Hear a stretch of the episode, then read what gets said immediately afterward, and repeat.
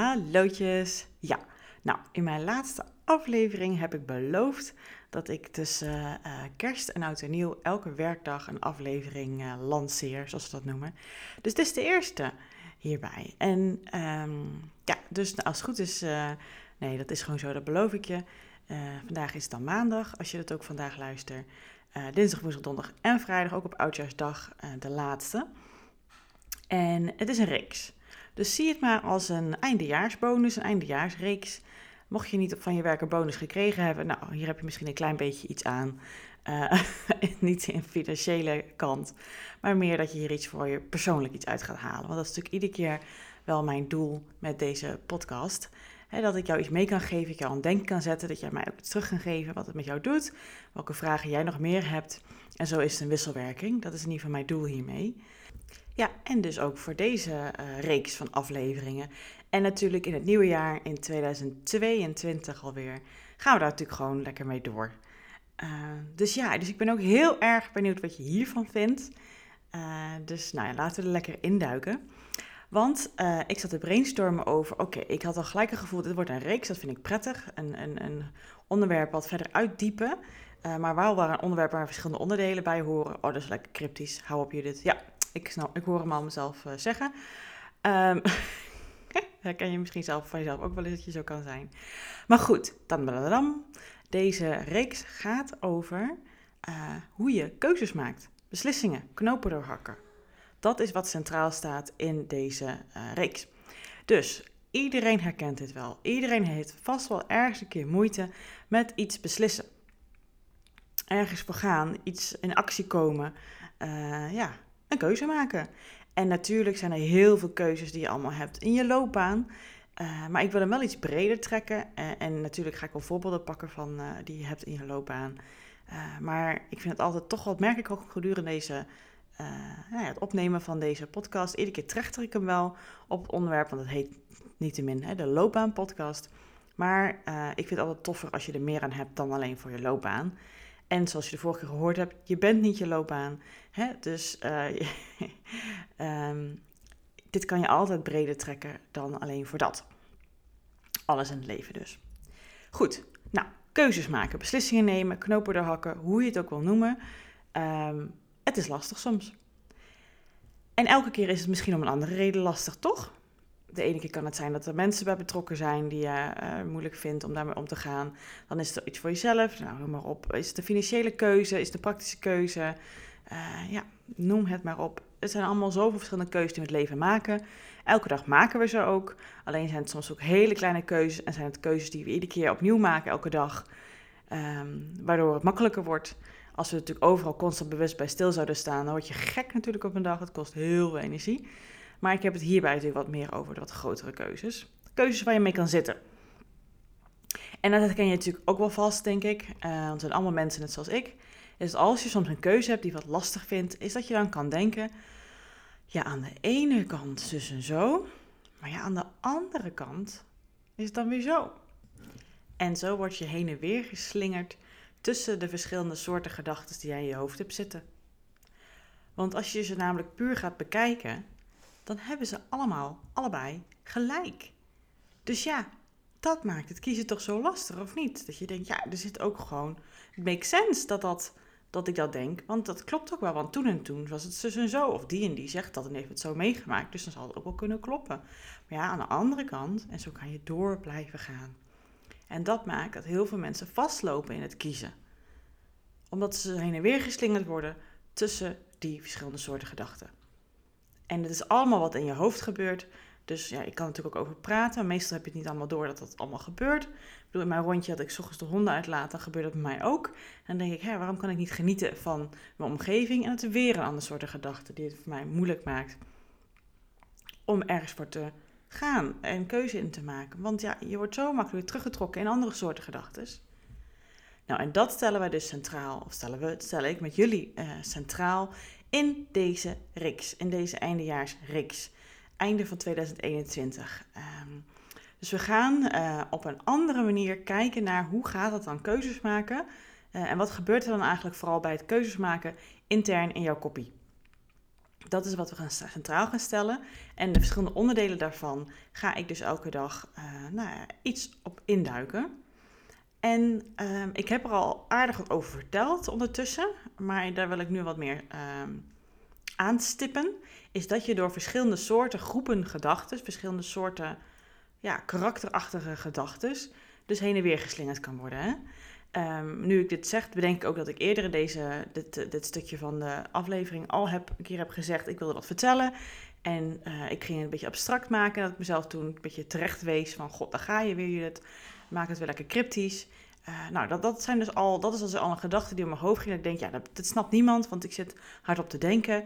En nou, ik heb daardoor wel een keuze gemaakt, maar ik zat mezelf dus een beetje af te zeiken. Omdat ik dat doe op een lieve manier hoor. En dat is al door de verschillende gedachten die onbewust of bewust in mijn hoofd al afspelen. Een heel klein voorbeeld. Op werkgebied kan je denken, ik had pas dus iemand die ik begeleide. Dit komt vaker terug. Iemand die uh, wilde wat anders gaan doen dan wat ze nu toe deed, waar ze voor gestudeerd had.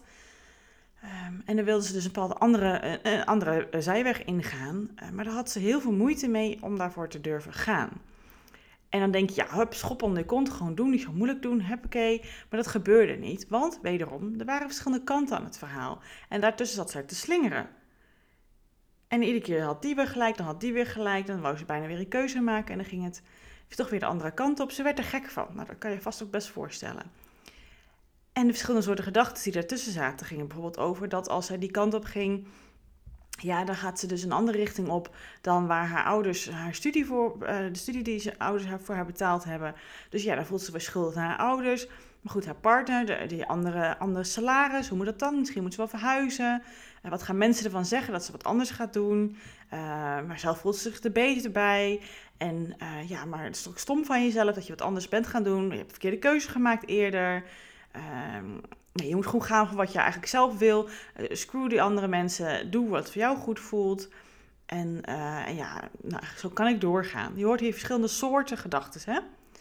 Nou, en die verschillende soorten gedachten wil ik heel graag centraal dus stellen in deze aflevering, deze reeks. En in deze eerste aflevering wil ik er dus al eentje pakken. Want anders blijven we nog een beetje in de lucht hangen in een theorie. En dan pakken we hem dus niet echt letterlijk. Um, en iedereen heeft verschillende soorten gedachten. Maar de meeste mensen hebben meestal wel één, in ieder geval een hele primaire, zo noemen we dat. Eén soort gedachte waar je heel makkelijk toe gaat. Denk maar aan de vorige aflevering waar ik het over had. Hè, wat je automatische reactie is bij stress. Uh, dat is er ook eentje. Um, die, kan je, die zou ook heel erg hierbij uh, terecht kunnen. Hè? Bijvoorbeeld als ik mezelf als voorbeeld neem en dat, uh, en dat is een inleiding tot, tot nou ja, het soort gedachten die je kan hebben, die ik dus centraal ga stellen nu, is dat ik altijd heel erg aan andere mensen denk bij een keuze. Wat is de invloed van mijn keuze op anderen? Hoe gaan anderen erover denken? Hoe zullen ze naar mij weer zien in dat licht? Um, schaat ik er andere mensen mee? Uh, ik kan zelfs al denken, als ik, als ik wegga en ik wil iets heel leuks gaan doen, dat ik dan bijvoorbeeld met mijn honden bezig ben, die zielig alleen thuis zitten. Het gaat ver. En dat soort gedachten geven even voor de simpelheid een naam. En dat kan je hangen onder de pleaser. Ik denk dat je dat wel kennen. Dat je uh, als pleaser gezien kan worden of dat je andere mensen in je omgeving hebt die veel aan het pleasen zijn. Nou, dat pleasen gebeurt ook niet alleen maar in het gedrag. Het komt, hè, want gedrag komt voor uit je gedachten en je bijbehorende gevoelens daarbij. Um, dus het komt tot stand in je hoofd. En ergens in je leven ben jij dus gaan pleasen, omdat je dacht dat je daar iets mee gaat krijgen. Bewust of onbewust, zo gaat dat nou helemaal. En ik heb die pleaser bijvoorbeeld heel erg sterk in me. Um, heel veel andere mensen ook. Daarom pak ik hem als eerste, omdat je hem waarschijnlijk wel gaat herkennen. Of juist helemaal niet, komen we straks nog op terug. Of bij andere mensen in je omgeving. En die pleaser, um, die is bij mij dus best wel primair. En die gaat er vaak voor zorgen dat ik ga twijfelen aan dingen. Ik wil iets heel graag, maar ja, wat vinden andere mensen daarvan? En wat is dus het effect van andere mensen daarbij? En daardoor ga ik ook heen en weer wikken en wegen. En kom ik er vaak niet uit. En gebeurt er een geen fluit. Wat ook helemaal niet handig voor mij is. Maar ook niet voor die anderen. Nou en zo blijf je zitten. En zo blijf je in die loop zitten. Hè? Dus hoe maak je nou keuzes? Nou door eigenlijk die verschillende onderdelen, die verschillende kanten van jezelf, die verschillende soorten gedachten onder de loep te nemen. Om te weten waarom in dit geval please je dan? Welke mooie kwaliteiten zitten er bij die pleaser, dus ook bij jou? En uh, ja, wat kan je doen om daar wat meer balans in te brengen? Want uiteindelijk is dat het woord. En ik vind balans ondertussen een beetje zo'n eh woord. Maar um, het grappige is dat wat ik altijd vaak hoor, dat mensen zeggen: ja, ik zoek balans. Maar balans is eigenlijk iets wat je constant aan het doen bent. Balanceren. Het is een werkwoord. Hè? Dus elke situatie weer is de ene keer de pleaser er meer dan de andere keren. Uh, maar iedere keer zoek je een beetje, oké, tussen de pleaser en een andere kant vaak die er nog is. Want hè, aan de ene kant dit, aan de andere kant dat. Maar goed, laten we even inzoomen op die pleaser. Want als je dus veel aan het pleasen bent, ben je dus met die ander bezig. Maar daar zitten dus hele mooie kwaliteiten in. Want de meeste mensen denken alleen maar aan negatieve dingen. Hè? Dat je dus jezelf vergeet. Die kant wil ik ook nog even benoemen natuurlijk. Hè? Dat je je eigen grenzen overgaat. Dat je anderen heel veel ruimte geeft. Dat je geen prioriteiten stelt op een, op een dag. Omdat je iedere keer maar laat leiden wat je omgeving van jou verlangt. Of wat je denkt vooral eigenlijk. Hè? Wat je omgeving van je verlangt. Je wordt vaak gezien als heel lief en betrouwbaar en aardig en vriendelijk en inlevend, met inlevingsvermogen en empathie en heel sensitief, want je pikt zo de signalen van anderen op. Of ieder geval, je denkt dat je dat doet. Prachtige kwaliteiten, enorm mooi, want jij zorgt ervoor dat de sfeer is, dat mensen zich welkom voelen, op hun gemak voelen, dat iedereen gezien en gehoord wordt, dat iedereen erbij hoort. Maar goed, en jij dan? Dat is natuurlijk weer de valkuil van de pleaser. Dus dat is natuurlijk altijd met alles. Yin en yang, hè? alles heeft zijn voor- en nadelen. Maar het is er. Die pleaser zit in jou en ook in mij. En hoe ga je dan daarmee om, hè? Met die pleaser van jezelf. Wat we meestal doen is als die in de weg zit, je denkt, hey, iedere keer wil ik weer dat andere mensen zich gelukkig voelen. En ik dan, hè? dat kan je soms ook wel eens hebben. En dan ga je hem wegduwen of nee. Waar het om draait is dat je eens gaat kijken, waarom is die pleaser er?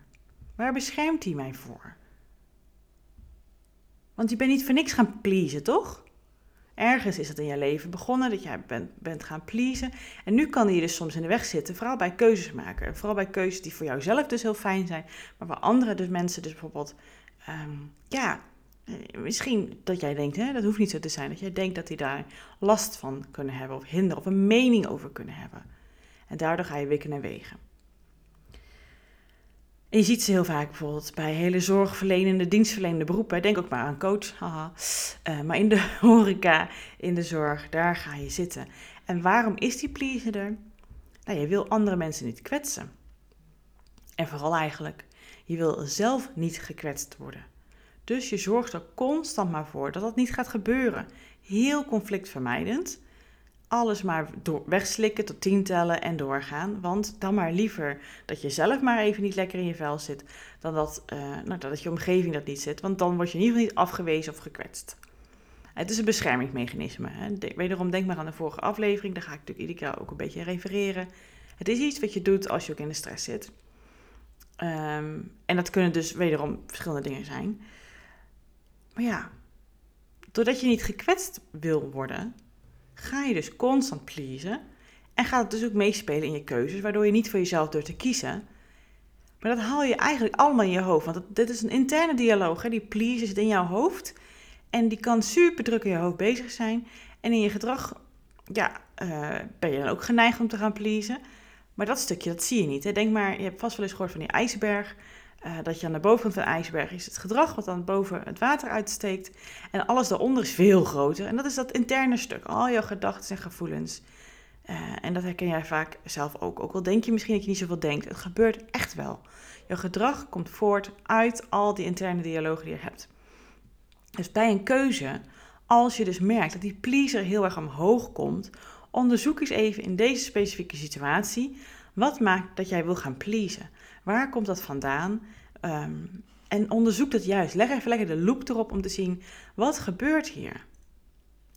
En wat is dan, als je dat onderzoekt, hè, wat maakt je bent gaan pleasen? Wat maakt dat diegene in mijn voorbeeld heel graag uh, wil dat andere mensen uh, ja, niet iets raars over haar gaan denken? Of um, dat hij misschien niet denkt dat, dat, dat ze moet gaan verhuizen, dat de partner het vervelend vindt. Dat weet je helemaal niet, hè? Dus dat is eerst even voor jezelf onderzoeken. En klopt het eigenlijk wel wat je allemaal denkt? Ga het eens vragen bij de ander. Maar wederom, waar ik eerder dat balansstukje noemde ik voor een reden. Uh, balans zoeken ook hierin. En dit is de yin. En dan zoek ik ook nog de yang. Dus wat is bij jou iets wat je nodig kan hebben, wat je een beetje toe kan voegen, een beetje een zoutje in de, in de soep of wat anders. Ehm, om die please wat meer in balans te brengen. Dat kan bij iedereen wat anders zijn. Maar je kan bijvoorbeeld denken aan de zelfstandige. Of de zakelijke. Zoiets. Of de afstandelijke. Wat kan jou helpen om iets meer een zoutje bij die please te doen? Zodat je twee kanten hebt dus, die meedoen. Uh, en misschien ken je hem al, hè? want als je denkt aan de ene kant maar de andere kant, dan heb je hem dus eigenlijk al. Die dus ook meedoet. En waar het om draait is niet dat je kiest voor de een of voor de ander, maar dat je ze beide bekijkt. En vanuit daar denkt, oké, dat zijn onderdelen van mij, dat zijn gedachten van mij, maar ik ben niet mijn gedachten, ik heb ze. Dus, oké, de pleaser zegt dit, misschien de afstandelijke zegt dat. Maar wat wil ik eigenlijk als ik nou allebei luister en wat is in deze situatie wil ik meer meenemen? En als je iedere keer die interne dialoog zeg maar merkt bij jezelf, wat gebeurt er maar kopie bij deze situatie, bij deze keuze? En als ik er zo van een afstandje naar kijk, wat voelt dan goed?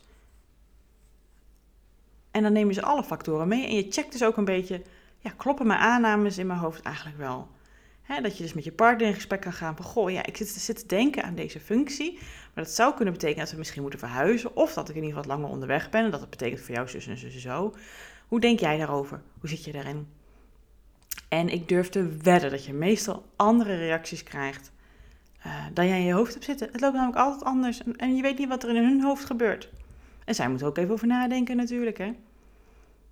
Dus dat is waar het om draait. Dat je bij keuzes gaat kijken Welk soort gedachten spelen er in mij mee? Ene kant, andere kant, of misschien nog een derde en vierde en vijfde kant. Waardoor ik heen en weer geslingerd word. En de meeste mensen die denken, ik word gek hiervan, ik ga ervan weg. Nee, ik zeg, zoom juist erop in. En pak even, uh, nou in dit geval stellen dus de please centraal. Als je die herkent, pak die centraal om te zien, hé, hey, wat, wat maakt dat deze oppop nu? En wat wil je eigenlijk zeggen hier? En dan, oké, ik hoor je, maar welke kant hebben we nog meer? En als ik het allemaal zo van een afstandje bekijk, ja, wat wil ik eigenlijk mee doen? Je hoeft niet naar te luisteren, want je bent het niet, je hebt het. Deze gedachten. En zo ga je iedere keer een beetje een afstandje naar die gedachten kijken, om te zien wat voor deze specifieke keuze nou, voor jou van belang is. En als je die please nou helemaal niet kent, dan heb je waarschijnlijk een andere die bij jou heel uh, aanwezig kan zijn. Of juist heel die autonome, zelfstandige, afstandelijke, uh, uh, zakelijke kant die misschien wat meer bij jou oppopt. En dan is het, oké, eh, is, het, is de pleaser het zoutje? Wat zou dat voor andere mensen betekenen? Oké. Hey, nou, ik ben even benieuwd hoe dit al voor jou voelde, hoe je dit aan, uh, hoe je dit hoorde. Morgen ga ik een andere kant, een andere soort groep van gedachten pakken. die je misschien ook herkent. Want we zijn een veelzijdig mens. We hebben verschillende soorten gedachten. Eh, en er zijn verschillende soorten situaties die naar boven kunnen komen erin. Dus tot morgen. Doei doei!